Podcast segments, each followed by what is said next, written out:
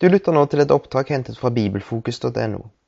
Du kan kopiere det fritt i uforandret form til egen bruk eller til venner, men publisering på internett eller annen form for massedistribusjon er ikke tillatt. Det er heller ikke tillatt å fjerne denne meldingen.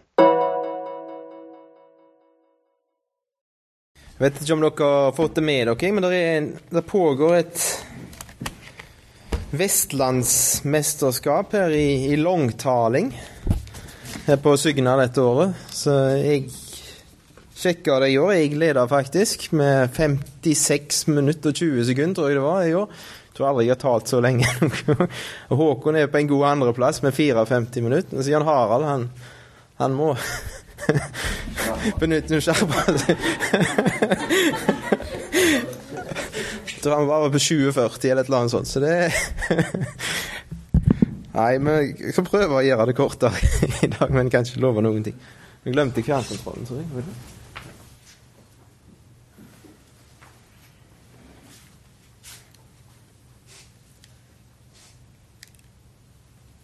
Ja, Det virker ikke den helt som den skal, men det får våge seg. Jeg tror vi hopper rett ut i deg. Vi husker at eh, Jesus sa til disiplene sine at eh, deres gjerninger skulle være synlige.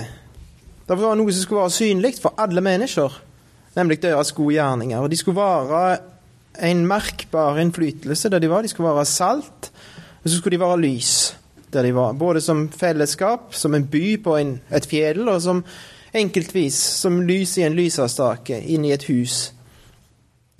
Men nå sier Jesus i kapittel 6, der som jeg kommer nå, så sier han at eh, det er tre ting som ikke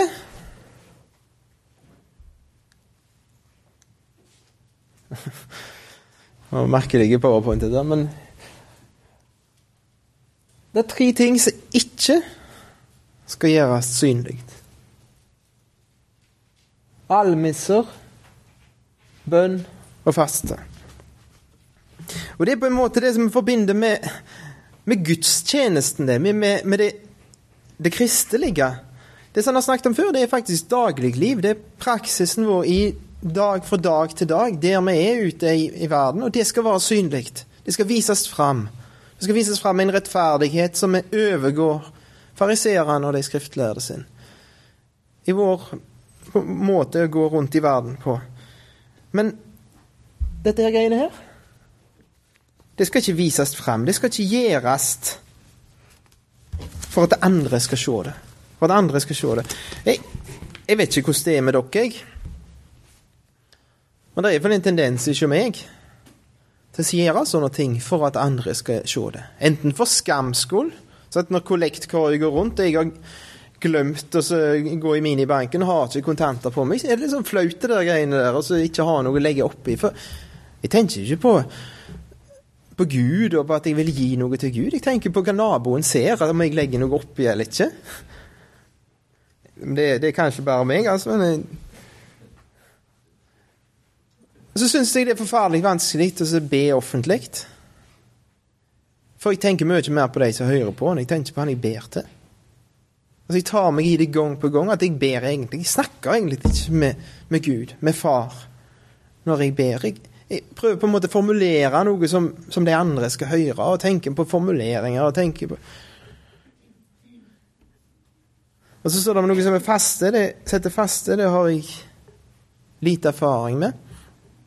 Der står det om en konge i, i Daniels bok. Så, så han eh, fasta skikkelig. Han tok skikkelig tid. Han fasta hele natta, står det. Jeg vet ikke hva, hva dere pleier å gjøre, jeg, men det er noen som, som går i kjøleskapet om nettene, men eh, Men det var kanskje hele kvelden òg, da, i, når de snakket om natta på den tida. Men, men det, det, er den typen faste jeg har drevet med, stort sett. Å faste hele natta. Men, men, eh, men det er noe med det å gi avkall på ting. Gi avkall på de godene som du har rett på til vanlig, så du nyter til vanlig, for at du vil konsentrere deg om en ting. Du vil be for en, en sak. Det er noe som ligger på hjertet ditt, og så vil du konsentrere deg kun om det. Og så Det er jo ikke noe som ja, som kan vises fram. Se hvor flink jeg er som gir avkall på dette her. Det som de gjorde, det står i, i, eh, i kapittel 6 og, og, og vers eh, Vers 16 så står det om noen hyklere som gikk rundt med et mørkt og dystert ansikt. Og så gjorde de nærmest ukjennelig for å vise folk at de fasta. Han har ikke spist på lenge, han er karen her. Liksom skulle de vise fram. Ja, dette er en from mann. Dette er en fin mann. Men det gudstjenesten vår, på en måte fromheten vår, hvis du skal bruke det ordet, det skal være for Gud, og ikke for mennesker. Det er Gud vi forholder oss til. Og så er det viktig hva han ser. Og han ser i det skjulte. Han ser det som ikke er synlig. Han ser bak hykleriet. Han ser hjertet, han. Han ser i det skjulte. Så når du gir, så skal ikke den ene hånden vite hva den andre gjør. Når du ber, så skal du gå inn for deg sjøl. Et rom for deg sjøl der du er aleine med Gud.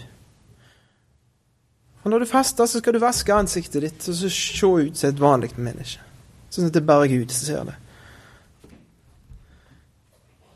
Men så står det det at denne skjulte fromheten som det er snakk om her, det skal Gud sannelig lønne i det synlige.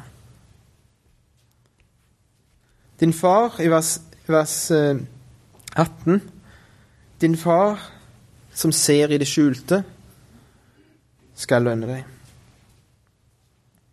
I vers Skal vi se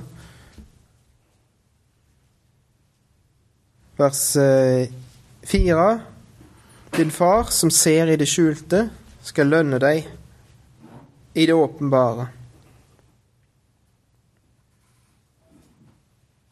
Vers, eh, vers 6. Din far, som ser i det skjulte, skal lønne deg i det åpenbare. Alle de tre områdene. Så skal det vise igjen i det synlige, det som har skjedd i enerom med Gud. Men det er en befrielse òg i dette. her. Det er en befrielse i det å stå ansvarlig for Gud. Og det kjenner jeg for min egen del. Det trenger jeg mye mer enn jeg, jeg har allerede. Det å ikke gjøre ting for andre mennesker, for andre mennesker sine forventninger, og prøve å tilfredsstille andre folk sine forventninger, det kan rive av deg sunt, det. Kan slite deg ut. For av og til så forventer andre mennesker mer av deg enn Gud gjør. Av og til så tror du at andre folk forventer mer av deg enn Gud gjør. Og så sliter du deg ut for å tilfredsstille andre folk. Men det er viktig å se opp til far. Og så kan du si til far 'Jeg er trøtt, jeg. Jeg trenger hvile', jeg. Sier han 'Gå og hvil deg, du'. Gå og hvil deg, du. Vi skal ikke, skal ikke, si mer om det nå. Jeg skal prøve å komme litt tilbake til, til den bønnen etterpå. Men jeg vil bare gå fort gjennom dette. her, For når han snakket om lønn, det skal vise igjen i det, i det synlige. Dette som skjer i det skjulte. Det skal, skal, lønnes. Og så sier han det at eh, når det gjelder lønn, apropos lønn så er det jo det vi jobber for. Når vi går på jobb, så er det jo for at det der kommer lønn hver måned. Er det ikke? Jeg hadde jo ikke gjort det hvis det ikke kom lønn, tror jeg. Jeg har sagt opp fort da. Men så sier han at det, som dere skal samle dere skatter på lang sikt det er noe som heter sam, Du samler deg opp. sant? Noen sparer til pensjonen. Jeg ikke, har ikke tenkt så langt ennå. Det står bare det står fremdeles et tretall framfor som første siffer. Neste år så kan det forandre seg. Men eh, jeg har ikke tenkt på det. Burde jeg kanskje ha tenkt på det. Men det er noen som gjør det, som tenker langt fram. Og så sparer de. Og samler seg opp noe. Sånn at de kan nyte av livet i pensjonisttilværelsen. På lang sikt jeg skal ha noe. Så jeg kan, noe som jeg kan, leve på. Så sier han det at eh, Samler dere ikke skatter på jorda? For de skattene dere samler dere på jorda, det blir ødelagt. Mått og rost, og tjuver bryter seg inn. Plutselig så har du ikke det lenger. som du trodde du hadde. Jeg jobba i et firma i Tyskland i, som var, ble starta på begynnelsen av 80-tallet av noen sånne IT-pionerer. Det var tidlig ute, på en måte. Begynte å komme opp i året, disse her karene. Hadde tenkt å gå med pensjon snart. Og det var akkurat da i 2000 ja, 2000-2001, og at den der IT-boble som de kalte det, var liksom på maksimale størrelse. Og så solgte de firmaet til et, et annet firma, og fikk betaling i aksjer, og ble millionærer hele gjengen. Og så fram til pensjonisttilværelsen.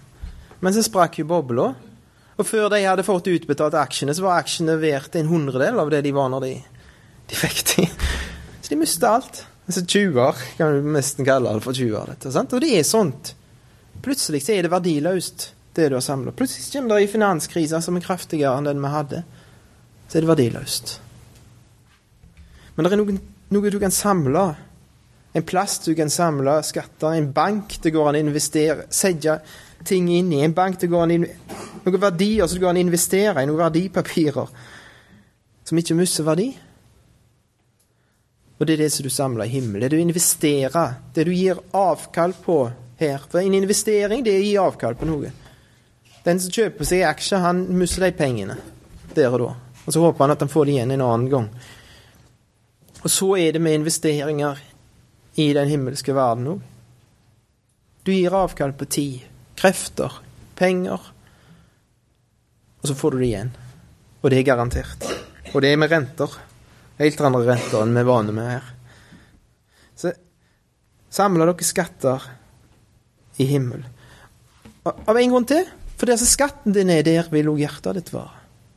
Der du har verdiene dine, der vil hjertet ditt være vendt imot. Og det vil påvirke måten du går på i denne verden. For han sier at øynene, det er lyset til kroppen. Hva måte er øynene lyset til kroppen? Jo, det er der lyset kommer inn. Det er der lyset kommer inn i kroppen. Så lukker jeg igjen øynene, så blir det mørkt. Og Hvis øynene er friskt, så er hele, hele kroppen opplyst, står det. Men om øynene er sjukt, så blir hele legemet mørkt. Er nå selve lyset i det mørke? Hvor dypt blir det mørke?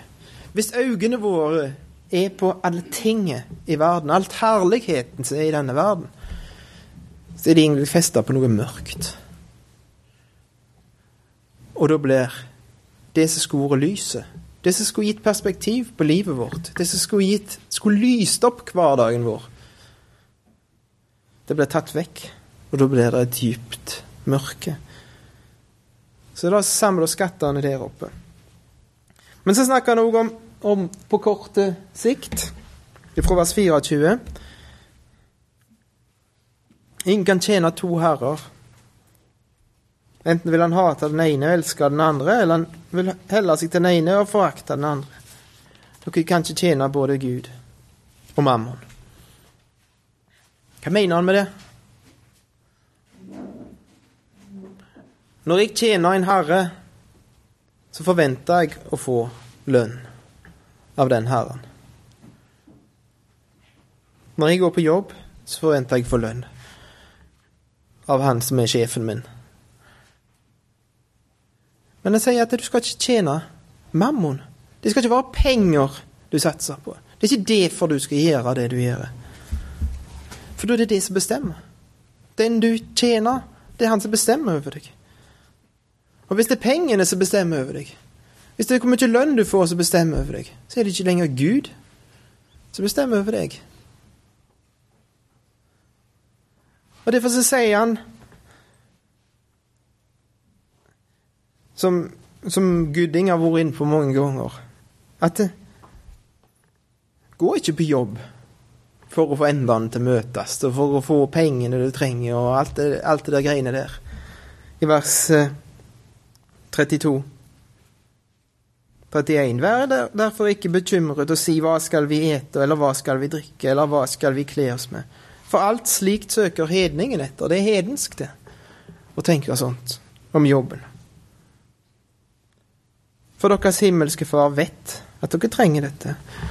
Men går du på jobb, går du i ditt arbeidsliv med Gud som sjef. Og søk Hans rike. At han får bestemme. At han får en sfære der han får bestemme i hverdagen din. Og hans rettferdighet.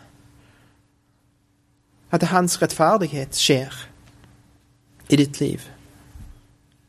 Så får du resten som bonus. Du skal få alt det andre i tillegg. Vær da ikke bekymret for morgendagen, for morgendagen skal bekymre seg for seg selv. Hver dag har nok med sin egen plage. Det er jo befriende. De gangene vi klarer dette her, og tenker sånt. At jeg går på jobb for Gud, jeg. Har du da en dårlig sjef? Ja, ja, det er ikke han som er sjefen din, egentlig. Får du dårlig betalt? Ja, ja, det er ikke der lønna di ligger. Du går på jobb for Gud, og så skal han sørge for sine arbeidere, at de har det de trenger. Det er ikke sikkert de har mer enn de trenger, men de har iallfall det de trenger. Og så ikke tenk da på i morgen. Har jeg nok i morgen? La morgendagen bekymre seg for seg sjøl. For det løye det der står noe om at det der er, som dine dager er, skal din styrke være. Men disse problemet er at vi tenker altfor mye på morgendagen. På framtidige problemer, og det er det ikke kraft til. Det er kraft til i dag, men det er ikke kraft til bekymringene for i morgen. Det tror jeg vi trenger å lære. Så kommer der fire påbud, fire ting. Først kommer et av de mest misforståtte og misbrukte utsagnene i Bibelen, tror jeg. Utenom kanskje 1. Korinterbrev 13. Døm ikke for at dere ikke skal bli dømt. Og så er konklusjonen vi skal ikke dømme. Vi skal ikke si at det er noe rett og galt. Vi skal ikke gjøre noen verdens ting. Alt skal Vi har ingenting med det. Ingen verdens ting med det. Men bare for å sette det i rette perspektiv, så kan vi slå opp i første Korinterbrev Fem? Tror jeg det.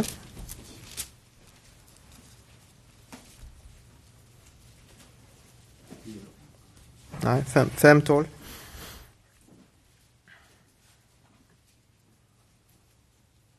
Korinterbrev 5, vers 12. For har jeg vel, vel jeg med å dømme dem som er utenfor? Er det ikke dem som er innenfor dere dømmer? Men dem som er utenfor, skal Gud dømme. Støt da den onde ut fra dere. Her oppfordrer han korinterne i en helt spesiell situasjon til å dømme. Det har skjedd ei synd iblant de, og det skal dømmes. Det skal tas et oppgjør med, det skal sies at dette er gale, og det skal vises synlig for all verden at vi kristne, vi Guds menighet, Guds folk, vi regner dette her som grove synd. Det skal dømmes. Vi blir oppfordra til å dømme. Det er ting som skal dømmes. Og så skal vi dømme oss sjøl. Vi skal dømme oss sjøl. De handlingene som vi gjør, som er galne, skal vi felle en dom over. Og si at ja, det er synd, det. Det er gale, det. Men hva er det Jesus snakker om? Døm ikke for at dere ikke skal bli dømt. Jo, det er den tendensen som i alle fall jeg har. At jeg er mye mer kritisk mot andre enn mot meg sjøl. Jeg ser feilet så godt på andre. Jeg ser så godt det galne de andre gjør, og så kan jeg være hard i min dom over andre. Det sier Jesus sier det at hvis at du måler med det målet Hvis det er det som er målestokken din, OK, da skal du måles med samme metermålet sjøl. Så skal vi se. Se hvor, stor er du på det metermålet? Hvor mye fyller du opp i det, det litermålet? Så du målte det andre Nei, det er jo bare, det er bare to dl. Skulle vært en liter, det er bare to desiliter. Ja, hvor mye fyller du opp? Med det målet dere måler, skal dere selv bli tilmålt. Hvor mye gir du av god vilje? Hvor mye gir jeg av god vilje til mine brødre? Ja, skal oppleve å få samme godviljen sjøl. For det som vi gjør når vi gjør det på den måten, det er at vi, ser Oi, oi, oi. Bommen har ei flis i øynene. Den må jeg få ut. Den må jeg ta ut. Skal du ta ut ei flis i et øye, da skal du være stø på hånd. altså. Du skal se godt. Du skal ha godt lys, og du skal, skal ikke skjelve mye. Problemet er det hvis du har en bjelke i øyet ditt sjøl. Da bør du kanskje ta den først. Det kanskje på sin plass. Dra først bjelken ut av ditt eget øye. Så kan du se og dra flisen ut av din brors øye. Det er ikke det at det er ikke ei flis, og det er ikke så nøye. Det er ikke så nøye med ei flis i øynene når du har en bjelke. Nei, men ta ut bjelken først. Døm deg sjøl først. Det står om, om Esra at han hadde Esra 7,10 tror jeg det står. At uh, han hadde vendt sitt hjerte til å granske Herrens lov. Og til å gjøre etter han. Og til å lære folk lov og rett i Israel. Og det midterste det hopper iallfall jeg over ofte. Jeg hopper rett på undervisningen, og så har jeg glemt å praktisere det sjøl. Så står jeg her med svær bjelke i, øynene. Ser fliset deres.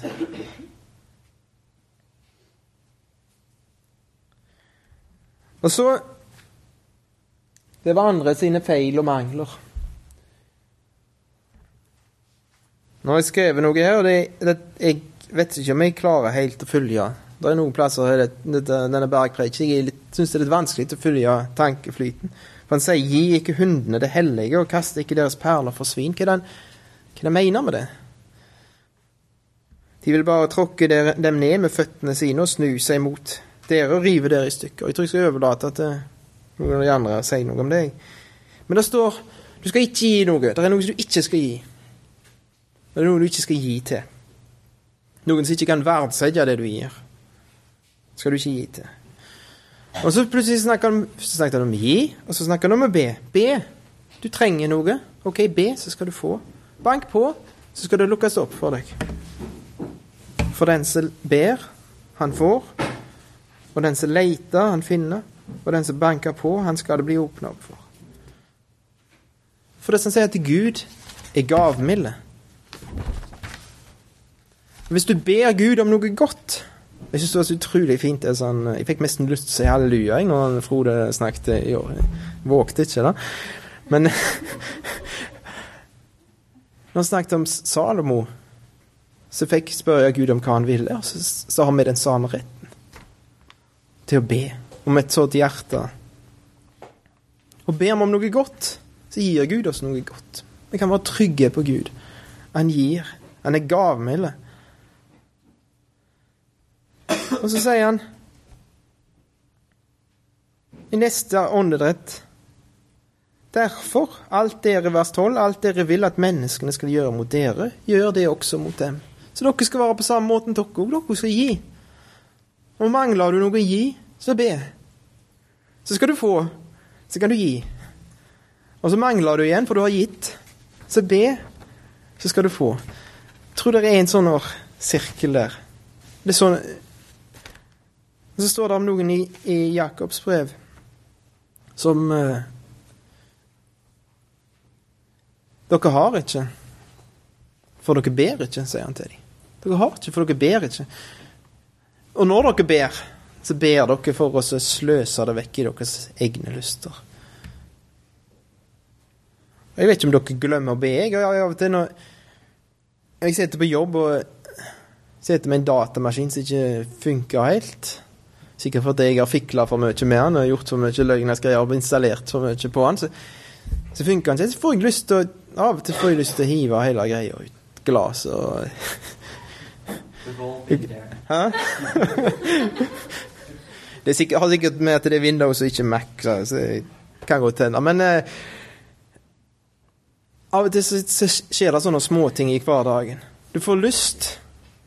Du blir sinte. Du får et problem, og så blir du sinte, og så gretten og Lar du igjen hele verden få vite at du er gretten og sint òg. Hvorfor glemmer vi å be? Hvorfor glemmer jeg å be? I sånne situasjoner. I de minste situasjonene. Slipper vi å bli irriterte. Kan sikkert datamaskinen funke etterpå, men slipper iallfall å bli irriterte. Slipper å få den der, det der sinnet, det der dårlige humøret. Så la oss be og banke på, sånn at det blir åpna for oss. De stengte dørene blir åpna. Sånn at vi kan gi til andre. Og så står det om noe Det er sitt overskrift 'Var ekte' går inn, vers 13, gå inn gjennom den trange porten, for vi er den porten, og bred er den veien som fører til fortapelsen. Og mange er de som går gjennom den. For trang er den porten, og smal er den veien som fører til livet, og få er de som finner den.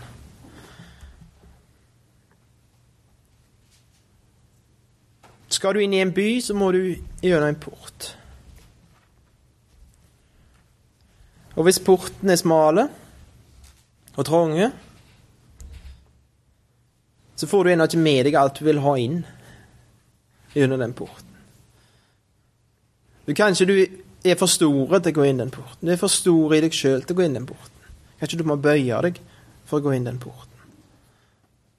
Og så Kanskje han ikke ser så staselig ut, den porten. Den lille, smale, trange porten ser ikke så fin ut. Den går jo gjennom hovedporten, liksom, blant de store. Det der er god plass. Der du kan vise deg fram. Det er mange som går der. Der kan du vise deg fram. Men den porten Den fører inn på en vei.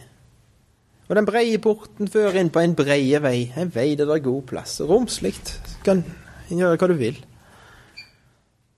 Du kan nyte av livet og ha det akkurat sånn som du vil. Full frihet. Den trange porten, den fører inn på en smal vei. En vei som ikke gir deg så mye frihet. Og Det er jo galskap å gå på gjennom den trange porten og den smale veien, er det ikke det? Når du kan gå på en brei port og en brei vei. Paulus sier det i 1. Korinterbrev 15, at hvis Jesus, hvis Kristus ikke er stått opp ifra de døde, hvis det ikke er sant at han sto opp igjen, så er vi de største toskene i hele verden. For vi har ofra alt. Paulus og co. Har ofra alt.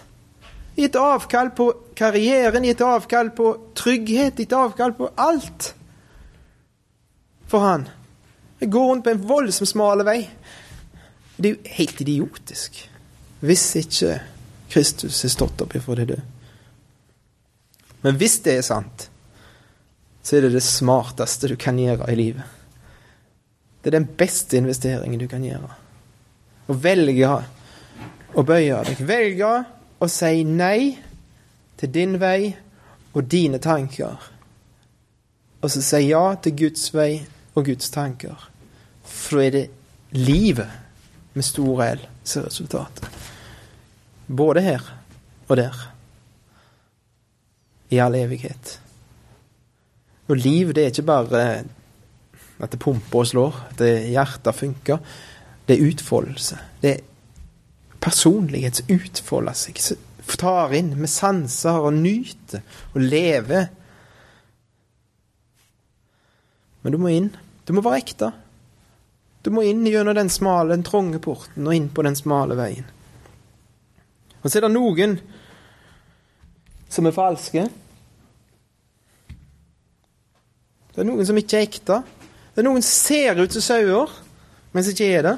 Er en sånn vitsetegning av, av Larsson som eh, med, er en som tar av sauehodet, en ulv, da, i fåreklær, og så ser det en del andre som har gjort det samme.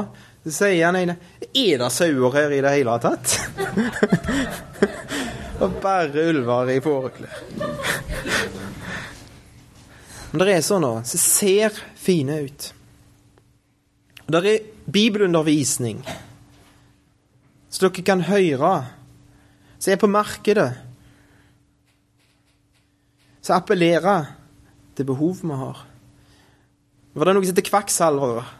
Det kan du lese om i Lucky Luke, f.eks. Så står det om kvakksalvere. Så ser det seg sånne medisiner som ikke funker. Og det har jeg funnet ut at de er utrolig flinke til å stille diagnosen. De er utrolig flinke til å finne ut hva som er feil. Hva du mangler. De hører på deg, og så Ja, ja, ja. Jeg har akkurat det rette middelet for deg. Men det de tilbyr, det er gift. I verste fall, i beste fall så har det ingen virkning. I verste fall så er det gift.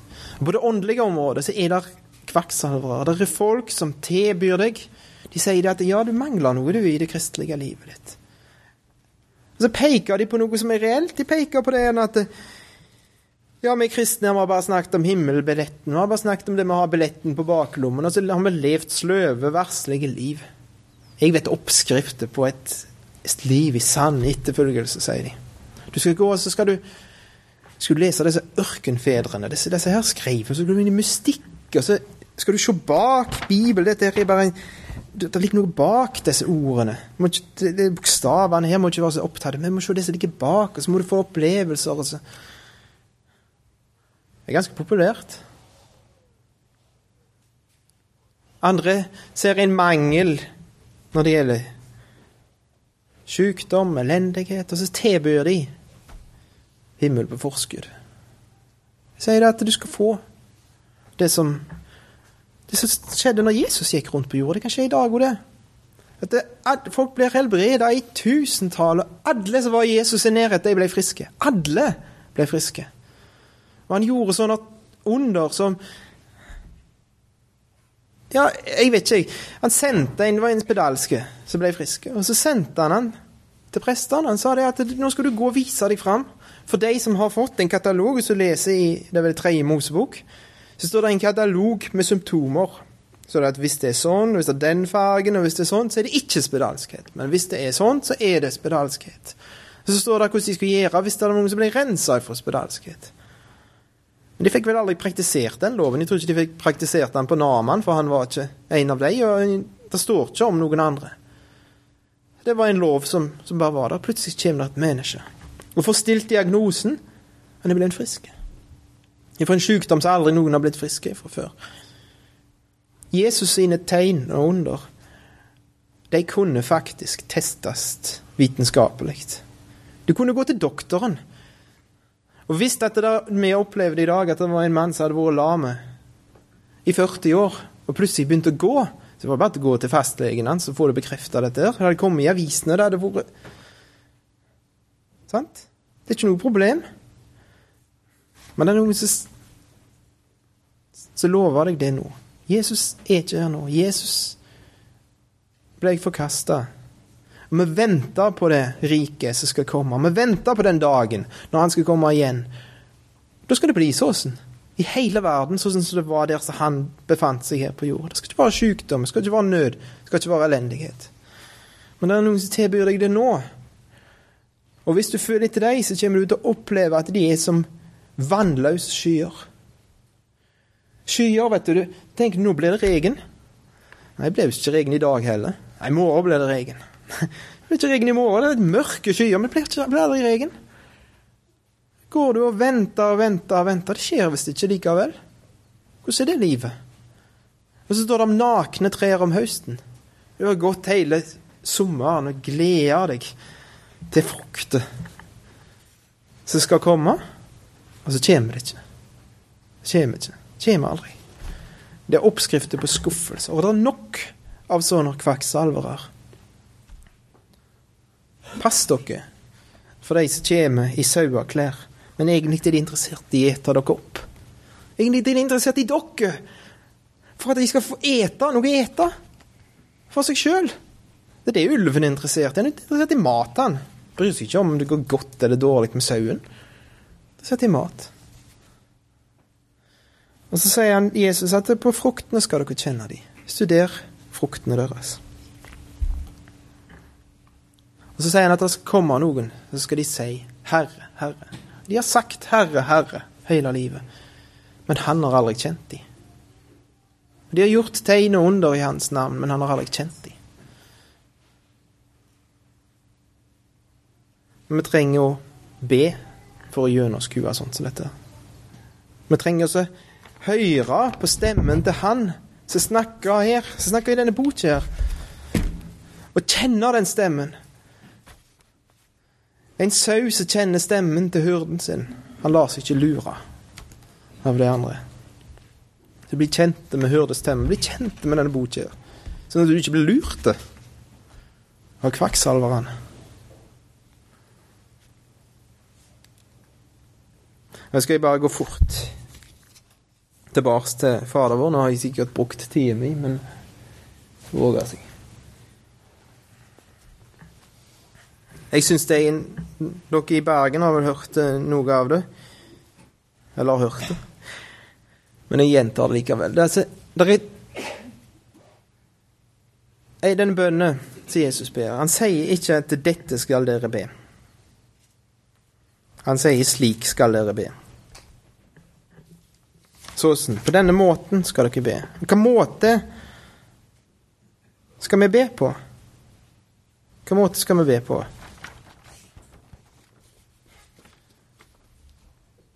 Jo, vi skal først be om Guds interesser. Det er tre ting vi skal be om. Navnet hans, riket hans og viljen hans. Tre ting som har hans interesser å gjøre. Og igjen skal jeg bruke meg sjøl som eksempel. Når jeg ber, så tenker jeg stort sett på mine problemer. Og gjerne problemene til de rundt meg. Men jeg er i altfor liten grad opptatt med de store linjene, med det store perspektivet, med hva Gud vil. Og Guds planer og Guds rike. Men det er det han sier. Det er først. Første Gud.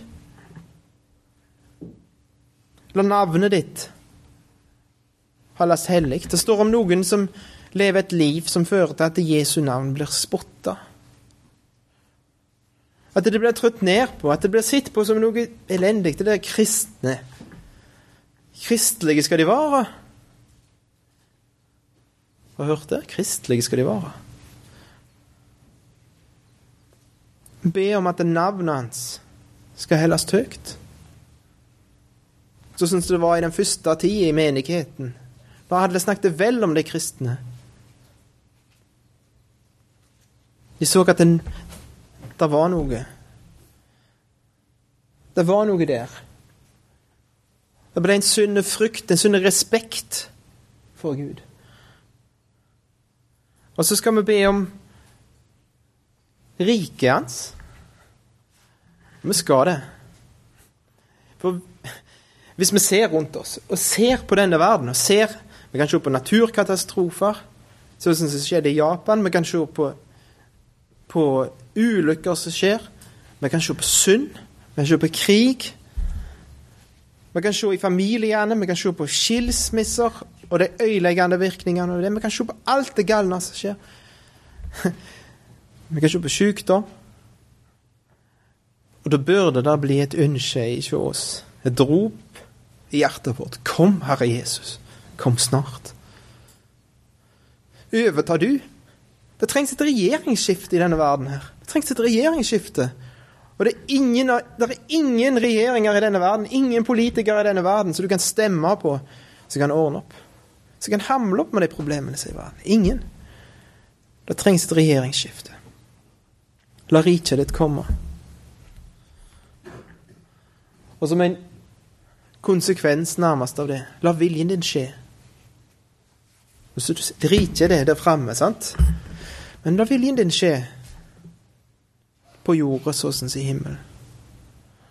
La viljen din skje. Og at Gud må få viljen sin.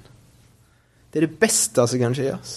Det er det beste som kan skje oss i menighetene. Det er det beste som kan skje oss i privatlivet vårt, at Gud får viljen sin. Men av og til er Guds vilje vanskelig.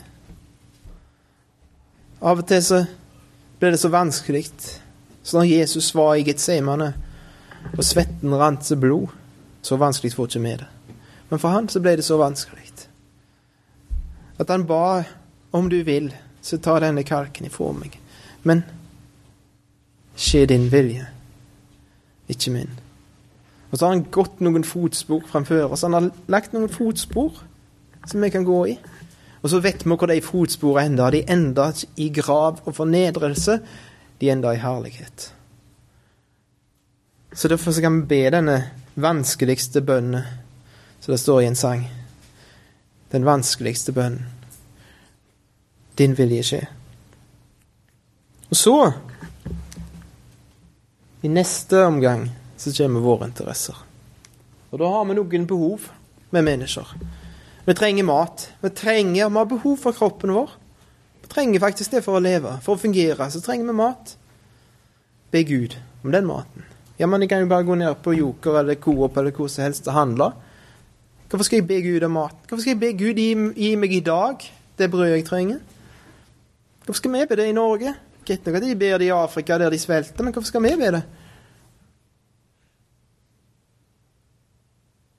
Jo, for at det plutselig en dag så kommer det Så er det ikke så lenger. Det er ikke mat der nede. Og hvis vi har lært oss at det vi har, det har vi fra Han Det er bønnesvaret fra Han. Vi har lært oss å takke for det vi har. Og ikke tro at det kommer fra samfunnet, det gode samfunnet med, at det ikke kommer fra olja i Nordsjøen. Ikke kommer fra at jeg har gjort en god jobb, sånn at jeg tjener mye penger. Men at det kommer fra Gud. Det har lært meg å, å være avhengig av Gud i de gode tidene. Så kan det hende at den dagen ikke kommer som et sjokk og river ned alt. Men at jeg er i stand til å fortsette å be. Gi meg i dag det jeg trenger. Og det er sårbart, dette samfunnet vi lever i. Det, jeg hørte et radioprogram for et par år siden. De, de diskuterte dette med sjølberging og sånt i, i Norge. og Da var det en som sa det at i USA, som er på en måte den store kornprodusenten i verden, der mesteparten av kodene kommer ifra, så vi trenger til å lage brød Selv om en har glemt det, siden vi bare går og handler det, så trenger vi faktisk mjøl til, til å bake brød. Før så hadde de kornlagre der. De hadde sikkert hørt litt om Josef, så hadde de lagra for noen år framover. Men de er Nå er det på en måte just in time. Det er, er, for ett år. Det er det kodene som trengs for ett år. Og det vil si at ett år med uår i USA vil få verdensvide konsekvenser. Plutselig er det ikke brød i forretningen nok til oss. Det er sårbart. Det skal ikke mye til. Og så ha den tanken, for da får vi en takknemlighet. Takk, det kommer fra deg. Men så har vi et behov til vi mennesker. Utenom det kroppslige behovet, så har vi behov Så har vi relasjonene våre å gjøre. Forholdet vårt til andre mennesker. Forholdet vårt til andre mennesker og forholdet vårt til Gud. Forlat oss vår skyld. Det er noe som kommer imellom oss. Da trenger vi be det, da. Gud har jo tilgitt alt på Golgata. Det er jo slett ut for en gang for alltid. Ja, men hvis jeg synder, så er det kommet noe imellom meg og Gud. Ikke sånn at jeg skal gå fortapt. For det er sont. Straff er sont. Men det kommer noe imellom oss. Hvis jeg sier noe som jeg ikke skulle ha sagt til Namagitta, så så det kommer noe imellom oss. Vi må be om tilgivelse. Og Så sier han det at eh, forlat oss vår skyld, som vi òg forlater våre skyldnere. Og så sier han i vers 14 at hvis dere tilgir menneskene, så skal Far tilgi dere. Men hvis dere ikke tilgir, så skal ikke Han tilgi dere. Så hvis det, det er noen som har noe imot oss Nei, noen som har gjort noe imot oss, og vi er ikke villige til å rydde det vekk, da sier jeg OK, jeg tilgir deg. Så kommer vi til å oppleve samme holdningen i vårt forhold til Gud. Og det er noe imellom oss og Gud. Ei mørke sky som tynger ned og øyelegger. Men så kan vi tilgi, og så kan vi oppleve å få tilgivelse. Og så kan vi leve i det, i relasjoner som fungerer til andre mennesker. Tilgivelse det er noe av det viktigste som er når vi er i lag vi som kristne. Til nærmere vi er i lag, til mer vi er i lag, til mer problemer blir der. Til mer gnisninger blir der, til mer trengs det tilgivelse. Vi skal være nærme hverandre, så da må vi tilgi. Og tåle hverandre. Og så skal vi leve i lag med Gud, tett innpå Gud. Og da må vi be om tilgivelse. Vi trenger det, og da blir det godt å leve. Og så trenger vi trygghet. Trygghet trenger vi. Led oss ikke inn i fristelse. Eller led oss ikke inn i prøvelse, kan det like godt oversettes. Men det er akkurat samme ordet på gresk. Fristelser og prøvelser. Sett oss ikke på prøve. Det skal vi be, det skal vi ikke glede oss, sier Peter, når vi kommer inn i all slags fristelser og prøvelser og vanskeligheter. Skal vi ikke være glade over det? Jo, vi skal det. Men vi skal ikke be om Herre, nå må du sende prøvelser i livet mitt. altså Nå må du virkelig sørge for at jeg får det vanskelig. Det er ikke naturlig, det. Og det er hovmod. Vi skal be om at vi skal få leve et stilt og rolig liv. Sånn at vi kan leve av vår gudsfrykt ut og ha det godt. Vi skal be om det. Men når Gud likevel bestemmer seg for å sende prøvelser og utrygghet i livet vårt, så skal vi ta imot det. For det vil gi oss lønn. Vi trenger trygghet. Og tryggheten må vi ha i Gud, og ikke i forsikringsselskaper, ikke i penger, ikke i noen ting annet, men i Gud. Du gir meg trygghet. Jesus oppsummerer og avslutter talen sin, så spør han kommer han med en lignelse som alle har hatt på søndagsskolen, som har gått på søndagsskolen?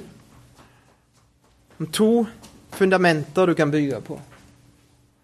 Og nå har jeg lyst til å vise dere noen bilder. Dette er et feriehus, så dere kan leie. Det står en eh, link her nede, hvis dere kan lese den. Så hvis dere leier dette her, så er det bare å gå inn på den sida der.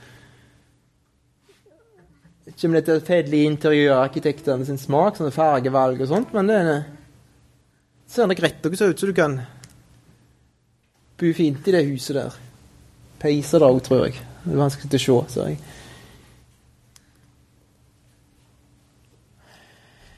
Jesus sier det, at den som hører ordet mine og ikke gjøre de. Han er som en dumme mann, en uforstandig mann, som bygde huset sitt på sand. Der står huset. det er, men dere kan fremdeles altså Hvis dere satser på det i en eller annen plass i New Jersey, tror jeg altså Hvis dere satser på at det ikke blir noen store bølger der, så kan dere legge det huset. Men det står faktisk på sand. På noen peler. Men det skal ikke mye storm til, mye bølger til, for det er ikke mer igjen av det fine der. Og hvis livet mitt er bygd på ulydighet, på at jeg ikke hører etter når Jesus snakker, og hvis jeg hører etter, så gjør jeg ikke det han sier. Jeg sier ikke bare at jeg hører hva du sier, men jeg vet hva som er best. Så kan det godt hende at du får et liv som er fint sånn som du liker det. Tilpassa dine behov. Du får et, et, hus som er fint og godt innreda, og fine kjøkken og fine sofaer i stua. Alt er greit. Billedlig talt. Men en dag, før eller seinere, så kommer regnet, stormen, vinden, og river det ned. Og det blir bare en ruin av hele greia. Og det gjelder igjen i absolutte forstand. Hvis du ikke slipper Han til, hvis du ikke bøyer deg for Gud, hvis du ikke går inn gjennom den trange porten, så kommer du til å oppleve dette en dag. At alt raser. Alt er tapt. For evig. Men det gjelder òg meg og deg som er troende, som har tatt imot. Når vi hører, så må må vi gjøre to ting. Og det er de to tingene jeg sliter mest med i verdenoppdragelsen. Enten så hører de ikke etter når jeg snakker. Det går rett igjennom. Eller muligens utenom, jeg vet ikke. Men det, det er iallfall Det når ikke inn. De hører ikke etter. Eller så av og til så hører de, til slutt så får du de igjen til høyre høre etter. Men så gjør de det ikke. Det er definisjonen på lydighet, dette her. Den som hører ordene i bergpreiket og gjør etter de. Han er en visemann. Han bygger huset sitt, det fine, gode huset sitt, på fjell. Det blir stående. Det kommer stormen kommer blant han òg. Han òg kommer til å bli satt på prøve. Han òg får de vanskelige tidene. Men huset blir stående. Livet blir stående i all evighet. Og da er det lett enkelt valg, er det ikke det? Et enkelt valg kan vi velge.